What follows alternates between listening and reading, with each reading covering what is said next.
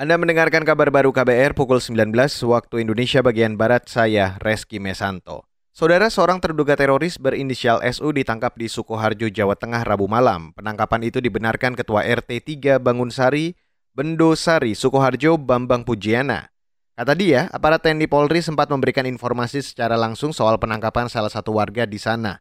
Selain itu, RT juga diminta mengirimkan data warganya tersebut ke aparat. Terduga teroris yang ditangkap tersebut berprofesi sebagai dokter.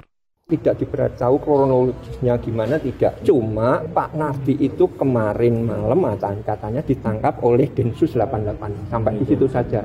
Sementara itu, Saudara KBR berusaha meminta konfirmasi kepada pihak keluarga di rumah SU namun tak direspon dan pintu tertutup rapat.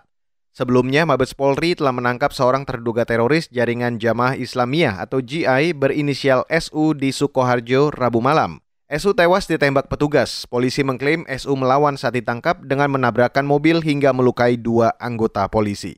Beralih ke berita selanjutnya, Saudara. Komisi Pemberantasan Korupsi atau KPK masih belum menentukan langkah pasca putusan kasasi Mahkamah Agung atau MA terhadap ex Menteri Kelautan dan Perikanan Edi Prabowo terdakwa kasus korupsi ekspor benur lobster. Namun menurut juru bicara KPK Ali Fikri, Pemberantasan korupsi butuh komitmen kuat seluruh elemen masyarakat, terlebih komitmen dari penegak hukum. Sebagai kejahatan luar biasa, korupsi harus diberantas dengan cara yang luar biasa.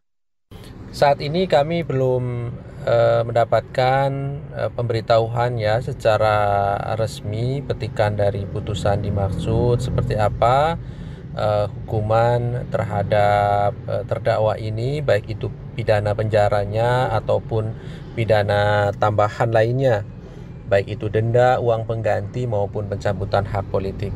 Tentu eh, kami berharap Mahkamah Agung bisa segera mengirimkan eh, salinan putusan dimaksud untuk kami pelajari lebih lanjut seperti apa pertimbangan dari majelis hakim tersebut.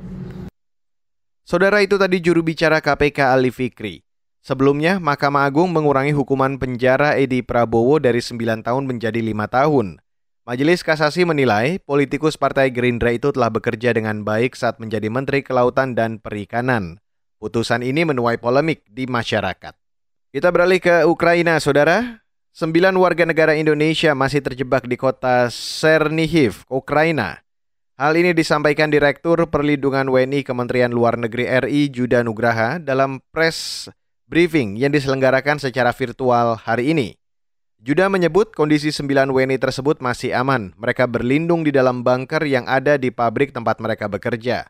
Pasokan logistik juga masih disediakan pihak perusahaan. Juda juga menjelaskan upaya evakuasi terkendala lantaran Chernihiv masih menjadi zona pertempuran. Koridor kemanusiaan untuk evakuasi warga sipil yang disepakati Ukraina Rusia ternyata tidak efektif di lapangan. Sembilan WNI tersebut berasal dari kota Binjai, Sumatera Utara, dan berada di Ukraina sejak 2018 dan bekerja sebagai buruh pabrik plastik. Dan saudara, demikian kabar baru saya Reski Mesanto.